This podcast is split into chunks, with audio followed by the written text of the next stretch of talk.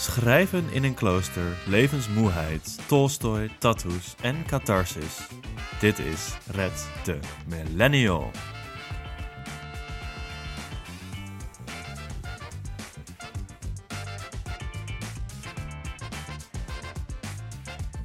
Hallo en welkom bij Red de Millennial met Charlotte Remark en Bouke van Walen. Bouke, welkom in de studio. Mag, mag ik hier even iets over zeggen?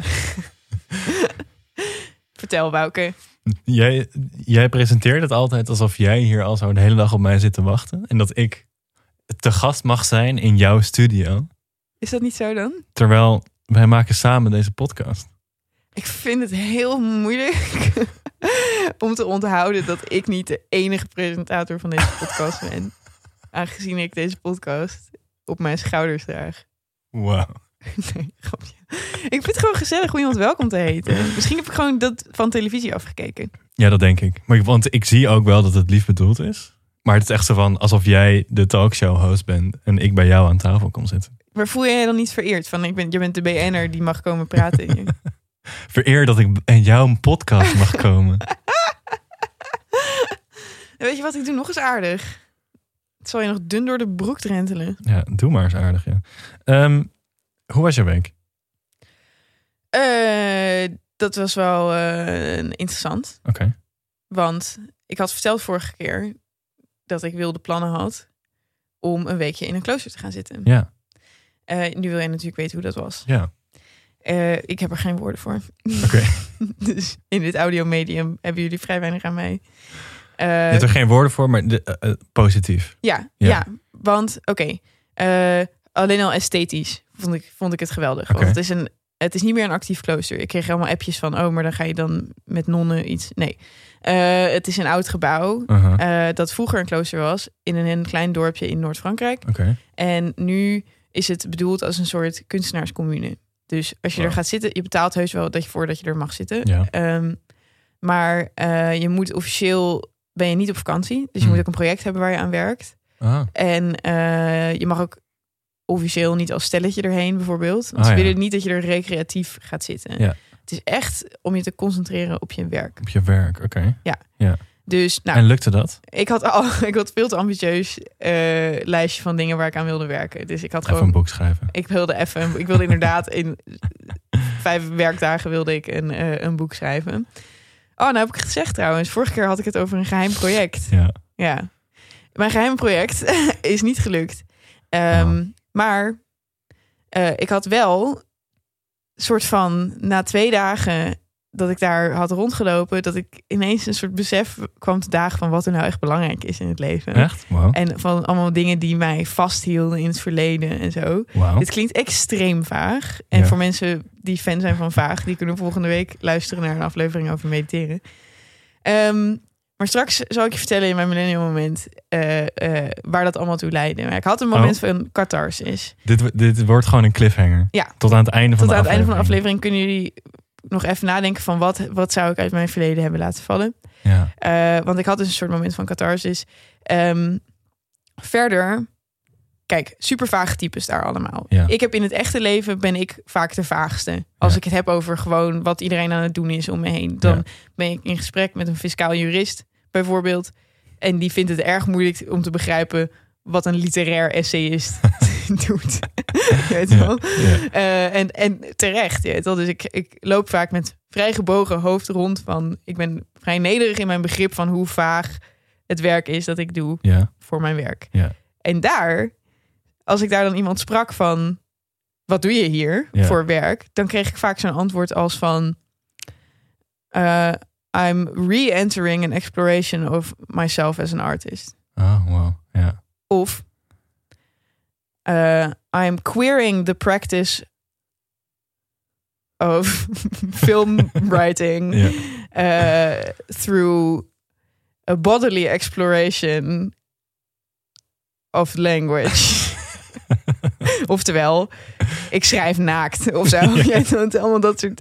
Eh, Ja, ik zie dit, ja, dit is ook wel, ik kan me het helemaal voorstellen. maar wat ze dan Ook uiteindelijk maakte, dat werd mij vrij onduidelijk. Ja. Eén iemand was een schilderij van Arnold Schwarzenegger aan het maken. Oké, dat Daar is kwam lekker ik- concreet. Nou, daar kwam ik pas na een half uur praten achter. Want het was eerst allemaal dit soort teksten. En Ja, toen was ja, het zo ja. van, oké, maar wat kan ik het lezen? Kan ik het aanraken? Kan ik, het, kan ik er kaartjes voor kopen? Ik, maar dat vond ik wel grappig aan mezelf daar.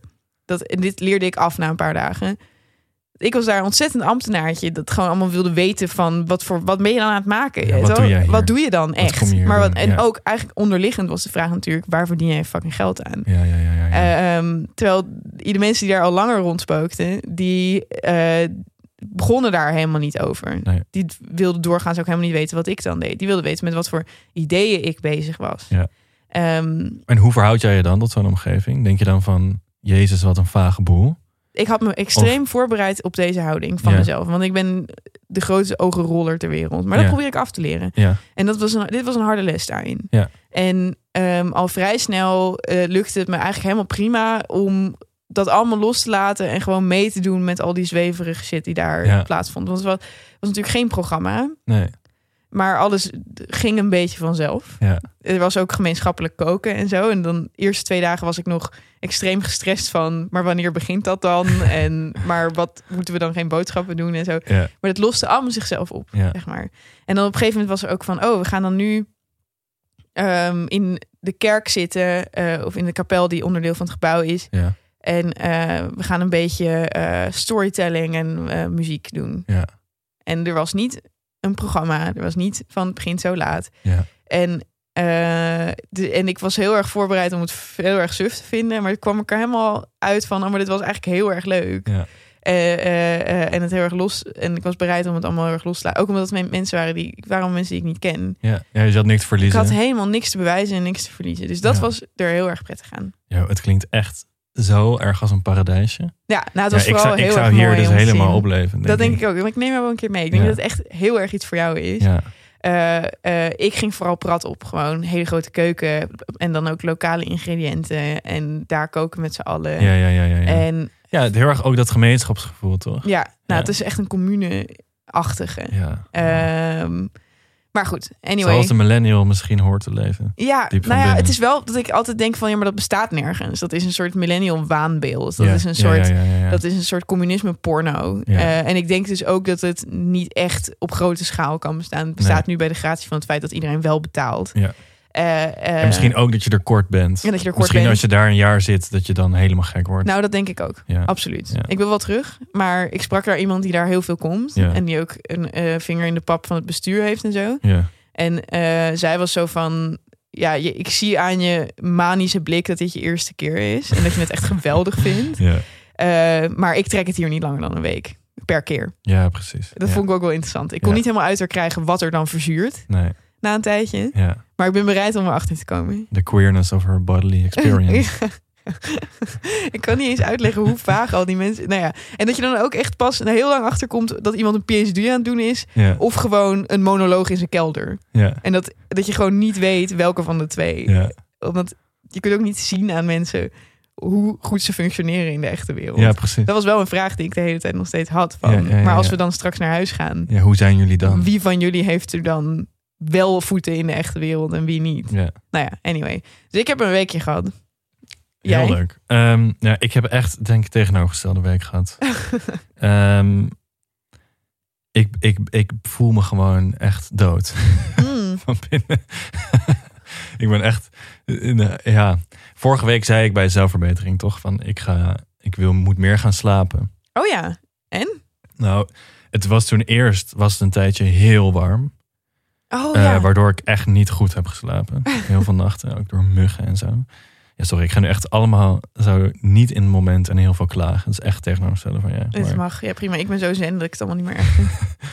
eh, daar werd ik heel chagrijnig van, dat het dan niet lukte. En ik dus wel moe wakker werd. Zo, ik soort van dacht, ja, maar ik ging wel op tijd in bed liggen. En toen, nou ja, het is nu weer iets, iets cooler. En sindsdien kan ik wel goed slapen. Maar nu heb je geen tijd meer. Jawel, nou ja, ik heb alleen maar tijd om te slapen en te werken de, deze afgelopen week. En dat gaat ook nog een week door. Tering. En ehm, het is zeg maar alsof je zo. Alsof ik een deur heb geopend met het slapen die ik niet had moeten openen. Want het is alsof ik tegen mijn lichaam heb gezegd van... Dit is iets moeilijks waar we op moeten letten. Nee, nee, meer van jullie, je mag uitrusten. Oh, dat. Oh ja. ja. En eh, ik voel gewoon dat mijn lichaam er helemaal aan overgeeft. En dat het echt zo is van, oké goed, dan gaan we nu in lockdown modus. Dus je bent nu de hele tijd aan het slapen. ja, ik ben gewoon heel moe de hele tijd. Maar ik heb niet de tijd om de hele tijd te slapen. Oh my god. Maar ja, dit, dus het gaat, ja, het, ja, nee, het gaat eigenlijk gewoon, ik had niet zo'n lekkere week. Dat kan ik wel zeggen. Ja, helaas. Ik vind het altijd heel humbling om tegenover jou te zeggen dat te zitten terwijl jij dan weer echt acht tentamens hebt gehad en honderd papers en 40 uur werk erbovenop en Ja. zo. En dan ben ik zo van, ja, het is mij deze week wel gelukt om één dingetje te doen. Ja, maar, zeg maar dat gaat wel twee kanten op. Hè? Want ik vind het heel humbling dat jij een week in een klooster hebt gezeten. Ja, maar goed, we gaan een keer samen. heel erg heb gefocust. Fucking leuk om daar een keer te podcasten ook. Jo, ja. hey, maar Maar goed. ik eh, en alle luisteraars wensen jou heel sterkte. Wanneer ben je klaar? Dan kunnen we het een beetje vieren. Ja, volgende week eh, donderdag. Laatste deadline. Nou ja, volgende keer dat we opnemen, dan, eh, dan is Bouke er weer helemaal bovenop. Dan ben ik er weer bovenop. En in die tijd eh, wil ik dus ook in de, in de trant van zelfverbetering. ik wil proberen om de komende week gewoon alleen maar om, om heel goed prioriteiten te stellen. Oké, Dus zeg maar, want ik heb gewoon niet zoveel energie. Dus ik ga, moet heel erg bezig zijn met soort van, oké, wat is er nu belangrijk? En dat is het enige waar ik mee bezig ben. En de rest doe ik dan ook even niet. Dus niet alle kleine brandjes blussen die elke dag het leven zijn. Maar gewoon eventjes alleen maar studie. en ben je, hier, je bent hier nu al mee bezig. Eh, lukt dat een beetje? Ja, dat lukt op zich wel. Want wat is dan iets wat je bijvoorbeeld even, even niet doet? Ehm, ja, lezen of zo. Zulke soort dingen. Oh ja, maar dat hoeft toch ook niet? Nou ja, ja zo zit ik dus wel in elkaar. dat, Oh, moet, dat ja. moet ik ook van mezelf doen, zeg maar. Je mag dus niet op een drukke periode al die, al die dingen die je meestal zo goed en grondig doet, even laten vallen van jezelf. Ja, precies. Oké, nou ja, goed, dat lijkt me een goede, goed voornemen om dat Ja. nu wel te doen. Hoe ga jij jezelf verbeteren? Ik wil dus, Ja. ik heb ik heb veel te vertellen over mijn zelfverbeteringshoekje van, eh, Je hebt geroost van vorige week. Ja. Oh my god, ja. Ja. dus de dag na ik terugkwam uit het klooster, eh, ging ik met mijn twee huisgenoten ging ik naar Rose Cycle voor Ja. het eerst. En we hadden geboekt eh, voor december. Maar toen gingen... Voor december? ja, maar toen, Wat bedoel je daarmee? we, za- we hadden een plekje gereserveerd om te Rose Cyclen in Utrecht. Ja. En dat was ergens in december.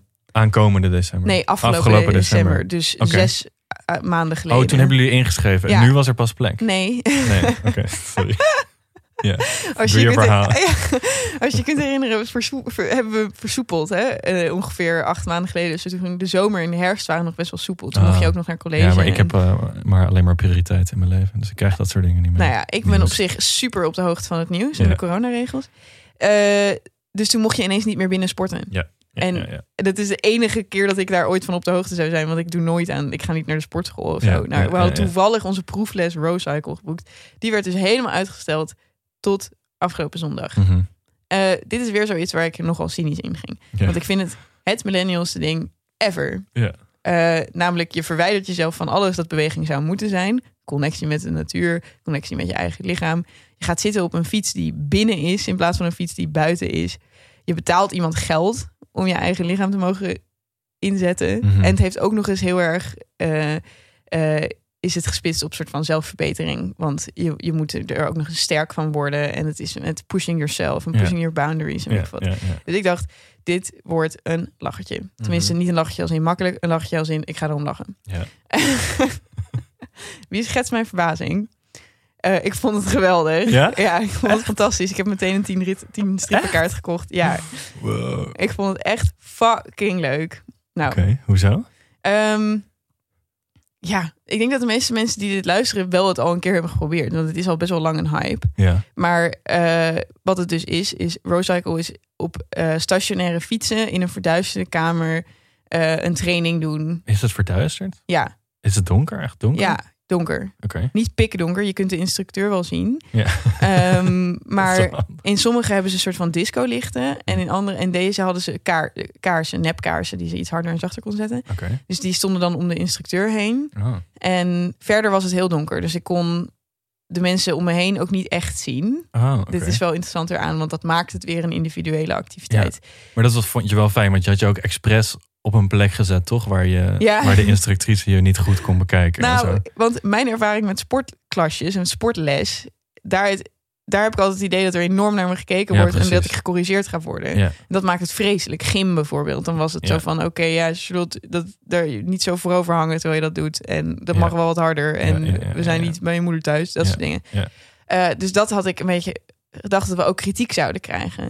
Het tegendeel was waar. Hanna, de instructeur, eh, die was alleen maar bemoedigende dingen aan het Oh, zeggen. ja. Dus het is, ook, het is ook nog eens een soort therapie. En dat staat ook op de website. Hm. Dus eh, ik vond een aantal dingen van de website wel interessant.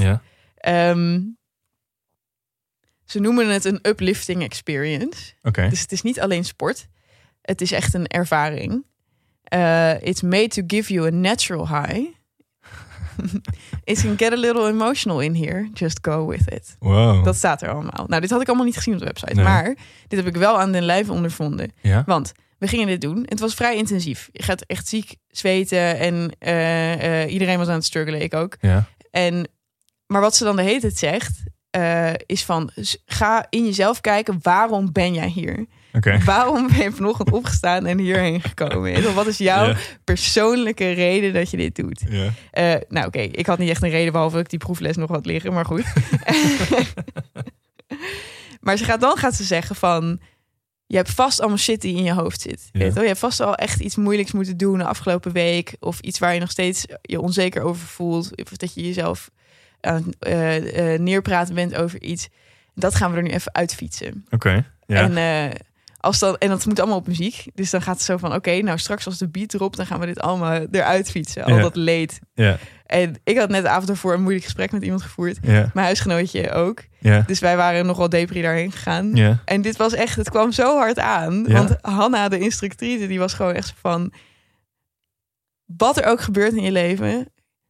Ga je hoofd uit en je lichaam in. En we gaan nu gewoon fucking hard knallen hier. Ja, nice. Ja. Maar goed, er zat natuurlijk ook wel zo'n een heleboel pushen wel in. Ze was zo van, oké, ehm, de comfortzone, daar gebeurt nooit wat. Dus je moet altijd buiten je comfortzone. Ja. Dus wel een beetje zo van, oké, comfortzone is echt verschroeide aarde waar niks groeit. En je moet echt uit je comfortzone om Ja. iets van jezelf te maken. En push yourself en push yourself.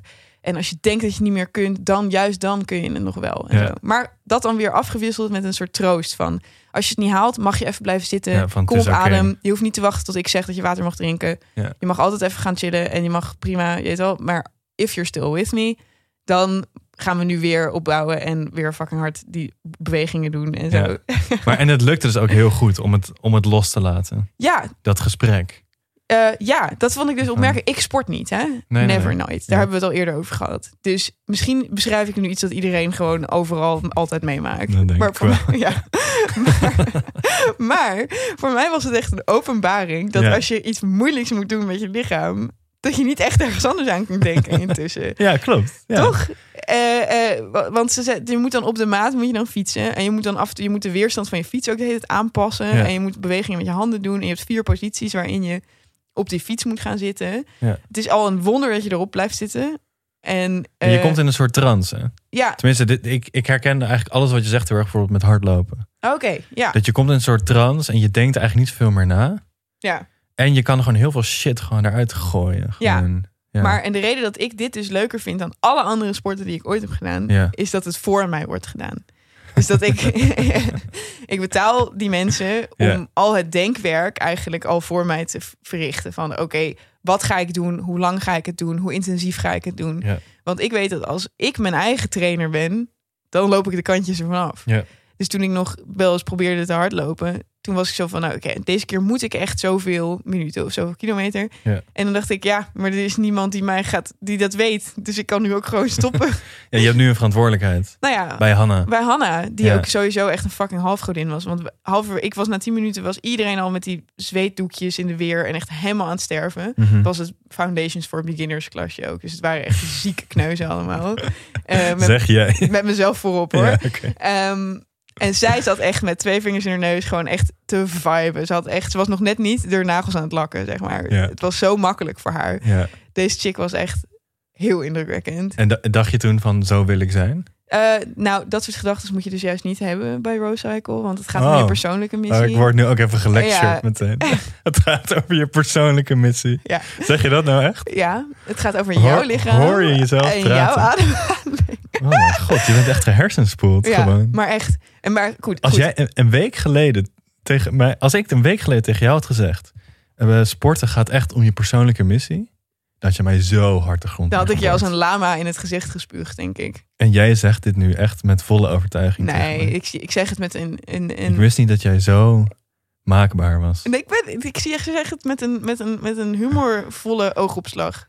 Voor de, voor de goede Nou, verstaander. Eh, ik zie jouw oogopslag. en er is weinig humor in te vinden. Kijk, dit was een positieve ervaring in mijn leven. Ik ga niet Bouke eroverheen laten schijten zoals ik altijd bij hem doe. maar dit zette mij aan het denken. En het, eh, nu rollen we even recht eh, de leesmap in. Zo. Want ik lees in mijn vrije tijd allerlei interessante essays over millennials zijn. Ja. En we hebben het tot nu toe nog niet gehad over eh, een van de meest millennial schrijfsters. Namelijk Gia Tolentino. Oké. Hebben we het al, ooit al over Nee, gehad? ik ken haar ook niet. Zij heeft een bu- essaybundel gepubliceerd. Dat heet Trick Mirror. Oké. En dat was Trick Mirror? Trick Mirror. eh, Oké. eh, eh, lachspiegel. Ja. Ik, weet, ik weet niet hoe het vertaald is naar het Nederlands. Maar ehm, het was echt een super grote hit. En ehm, zij is gewoon een soort... Zij schrijft van die think pieces over onze generatie. Ja, Zij is denk ik tien jaar ouder dan ik. oké. En ehm, een van de essays daarin eh, vond ik super interessant. En dat gaat over het maakbare lichaam van de vrouw. Oké. Eh, en daarin heeft ze het over eh, allerlei verschillende aspecten van het vrouwelijke millennial bestaan. Een daarvan is bijvoorbeeld de salad bowl. Dat als je een kantoorbaan hebt waarbij je 12 uur per dag aan het werk bent, dat je dan in de lunch 20 minuten verdwijnt om een salad bowl te eten en dan weer terugkomt. Ja.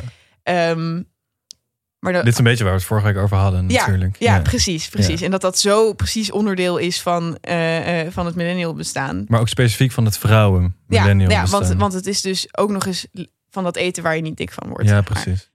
Oké, belangrijker dan die salad bowls als ultiem millennial voedsel is eh bar class. En dat is dus ook zo'n ehm, designer sportlesje. Ja, Eh, en dat is dus niet op fietsen gebaseerd, maar op ballet. oké. Dus het is echt specifiek op vrouwen gericht ook. En het heeft vooral te maken met spiertraining op je eigen lichaamsgewicht. En je gaat dan aan zo'n ding aan de muur hangen, zoals eh balletdanseressen dat ook doen.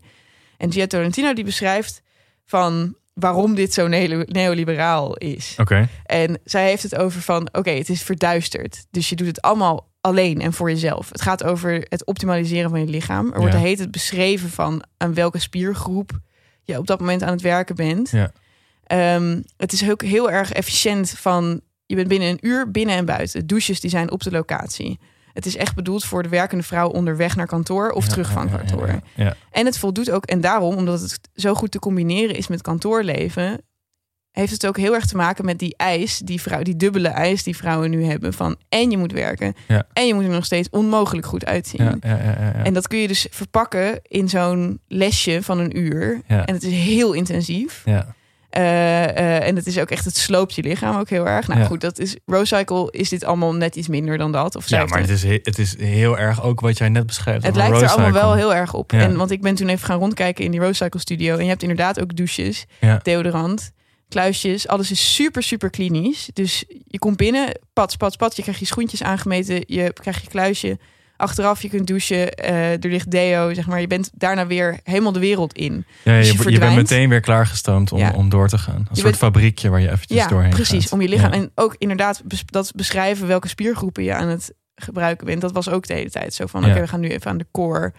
En, eh, en er wordt ook nog eens handig eh, psychologische hulp in verpakt. Ja, ja, Maar- want het is ook nog even therapie. ja, het is Ja. ook nog even therapie. Want Ja, Hanna, de fitnessinstructeur, gaat mij ook nog eens even vertellen hoe ik mijn problemen moet loslaten. ja Dus is ongeveer- super efficiënt. Het is de efficiëntste manier van zelfverbetering eigenlijk die, die je kunt krijgen. Ja, En eh, daarom vond ik dat stuk van Tarantino super interessant. Ik zal het linken in, eh, in eh, de show notes, want ik vind haar geweldig sowieso. Dus ik kan die bundel ook heel erg aanraden. Ja. En, J- eh, jij bent gewoon een, een, een millennial intellectueel in de praktijk. En ook in het lezen. Ja, als ik iets Nou, meemaak, dan moet ik er meteen een beschouwend essay over lezen. En Ja. het dan vervolgens in een podcast bespreken. Anders heb ik het niet meegemaakt. Hè. Eh, heb jij nog wat leuks gelezen deze week? Ja, ik heb eindelijk een boek uitgelezen waar ik al heel lang in bezig was. Waar jij denk ik heel blij mee bent. Een fictieboek. Ja. Eh, Anna Karenina. Wat? Heb ik uitgelezen. Echt? deze week. Ja. Ja. Ik ben zo trots op je. Ja, thanks. Ja, ik ben er echt vier maanden mee bezig geweest of zo. Het is ook een flinke pil. Echt een flinke pil. Maar ja, ik kan het echt iedereen aanraden om dat boek te lezen. Vond je het goed? Het is echt prachtig. Ik vond het echt... Oh, ja, ik vond het echt heel goed. Het gaat ook zo over alles. Toch? Het is het Eh, hele leven. Het gaat over liefde, het leven, politiek, Werk. eh, werk. ehm, Nationalisme, godsdienst. ja, echt over alles. Ja. Dat, dat zou ik ook nu niet kunnen uitleggen, want doe ik er niet eens recht aan. Ja. Eén ding wat ik eraan uit wil lichten uit het boek, wat ik heel knap vind van Tolstoy, de schrijver. Wat mij opviel is dat zijn personages veranderen eigenlijk bijna elke tien bladzijden totaal van gedachten over dingen. Ja, dat klopt. Ze zijn, het ene moment zijn ze verliefd op iemand, het andere moment haat ze die persoon. En dat, dat is natuurlijk ook in het echte leven. Ja, Zo gaat dat gewoon. Alleen dat is heel moeilijk om op te schrijven, omdat als je een personage neerzet, dan ben je alleen maar bezig met hoe is deze persoon. ja, En je wil je personages eigenlijk consistent houden voor je lezer, want anders denk je als lezer, nee, dit, dit hoort niet bij deze persoon. ja, ja. In de literatuur heb je vaak archetypes. En het is fijn als iemand zich daar dan ook aan houdt. Precies. En en ik vind het dus ongelooflijk knap dat het Tolstoy lukt om een personage neer te zetten. Waarbij je aan de ene kant denkt, ik herken deze persoon totaal als die persoon. Aan de andere kant dat hij elke tien bladzijden totaal anders in het leven kan staan. Ja, Vind ik heel knap. je hebt zo gelijk ook. Ja, Eén ding heeft wel heel Anna Karenina voor mij verpest. ja, En dat is het feit dat de grote heartthrob erin, Vronsky, ja. dat hij een snor heeft. Echt? Dat je wil zo graag hem heel erg geil vinden. nou ja, Ja, leuk. Maar goed, ik kan eh, los van de snor van Vronsky, eh, kan ik het boek eh, heel erg aanraden. maar jij, jij hebt jezelf dus wel gedwongen om fictie te lezen. Ja. Maar vond je het leuk? Je vond het wel leuk om te doen? Of was het ook zoals gewoon je groente eten? Het, ja, het allebei. Het was vaak, het beginnen was alsof ik groente moest eten. Maar als ik dan eenmaal bezig was, dan vond ik het echt heerlijk. Ja, Wat goed, ja, dit vind ik ook. ja, Echt Ja. super blij voor je. ja, thanks. En eh, heb je dan ook nog een beetje gemillenniald deze week? Ja, ik ben dus over aan het denken om een, ehm, om een tattoo te nemen. Echt? Ja, Waar? Eh, ik denk op mijn arm. Niet in eh, Enschede. Jezus. Sorry. Ik denk trust nobody. op mijn arm. Nee, grapje. Niet gewoon Red Millennial. Nee. Ehm, ik denk dat ik een, een abstracte tattoo wil nemen. Dus dat is een, paar lijnen misschien en een, een halve cirkel of zo. Maar ik, het is nog heel een pril idee. Maar ik vond het wel best wel millennial. Heel dat veel is ja extreem, die halve cirkel. Ja, nee, dat is... ehm, ik vind het gewoon heel esthetisch. ik vind het ook mooi. mooi. Jij hebt er ook wel de armen voor. Ja? Ja. oké, Die, was het, die was het veel te snel ermee eens. ja, ja. ja, ja. Mooie armen? Zeg Ja. nog eens wat over mijn armen. nee, maar goed idee, man. Ik vind ook wel dat, ik vind dat je dat live moet doen in de podcast. Ja, ik, ik zal het wel opnemen. dat lijkt me heel erg lachen. Ja, Ja. oké. En jij? Ehm, ja, nee, ik had jullie beloofd natuurlijk om het te vertellen over mijn catharsis. Eh, toen ik in Frankrijk zat. Ja, ja, ja. Ik eh, heb me uitgeschreven voor mijn studie. Echt? Ja. Wauw. Ik zat hier al de hele tijd tegenaan te hikken. Ik denk dat we ongeveer elke aflevering hebben gehad over dat ik die mails niet aan het beantwoorden was. En Ja. dat ik het gewoon niet aan het fixen was. Ja. Dus ehm, nee, kogels door de kerk. Gefeliciteerd. Ik ben employable. Ja. Als iemand een baan voor mij heeft. Catharsis is wel het thema van, dit afle van deze aflevering. Ja, dat was het volgens mij twee afleveringen geleden ook. Oh, shit. Ehm, ik heb het nog niet aan mijn ouders verteld. Oké. Dus ik heb... eh, tot vrijdag heb ik om dat te doen. Ja. Mijn vader luistert naar de podcast. Ja. En eh, die financierde ook mijn studie. Oh ja. Dus dat wordt nog een dingetje. Oeh. Dus dat is dan ook eh, meteen mijn zelfverbetering eh, hoekje. Of mijn goede voornemen. Voor de volgende keer. is voor de volgende keer. Ik ga even opbiechten Ja. bij papi. Ja. Ik hoop dat jullie het een beetje gezellig met ons hebben gehad, lieve luisteraars. Eh Bouke, bedankt dat je er was. Wat In- een eer dat ik er mocht zijn. In mijn studio. Bedankt dat jij er was. Eh, bedankt aan de studio Dag en Nacht Media en onze producers Suzanne Moeilijker. Wij willen ook Roos Vervelde bedanken voor het maken van het logo en jullie voor het luisteren van de podcast. Vonden jullie het nou leuk? Dan kunnen jullie ons financieel steunen door vriend van de show te worden. Surf naar www.vriendvandeshow.nl schuine streep Millennial. Ook kunnen jullie ons bereiken natuurlijk op Insta en Twitter, allebei @redmillennial. Of voor de langere berichten, uh, redmillennial@gmail.com. Tot volgende week. Tot volgende week.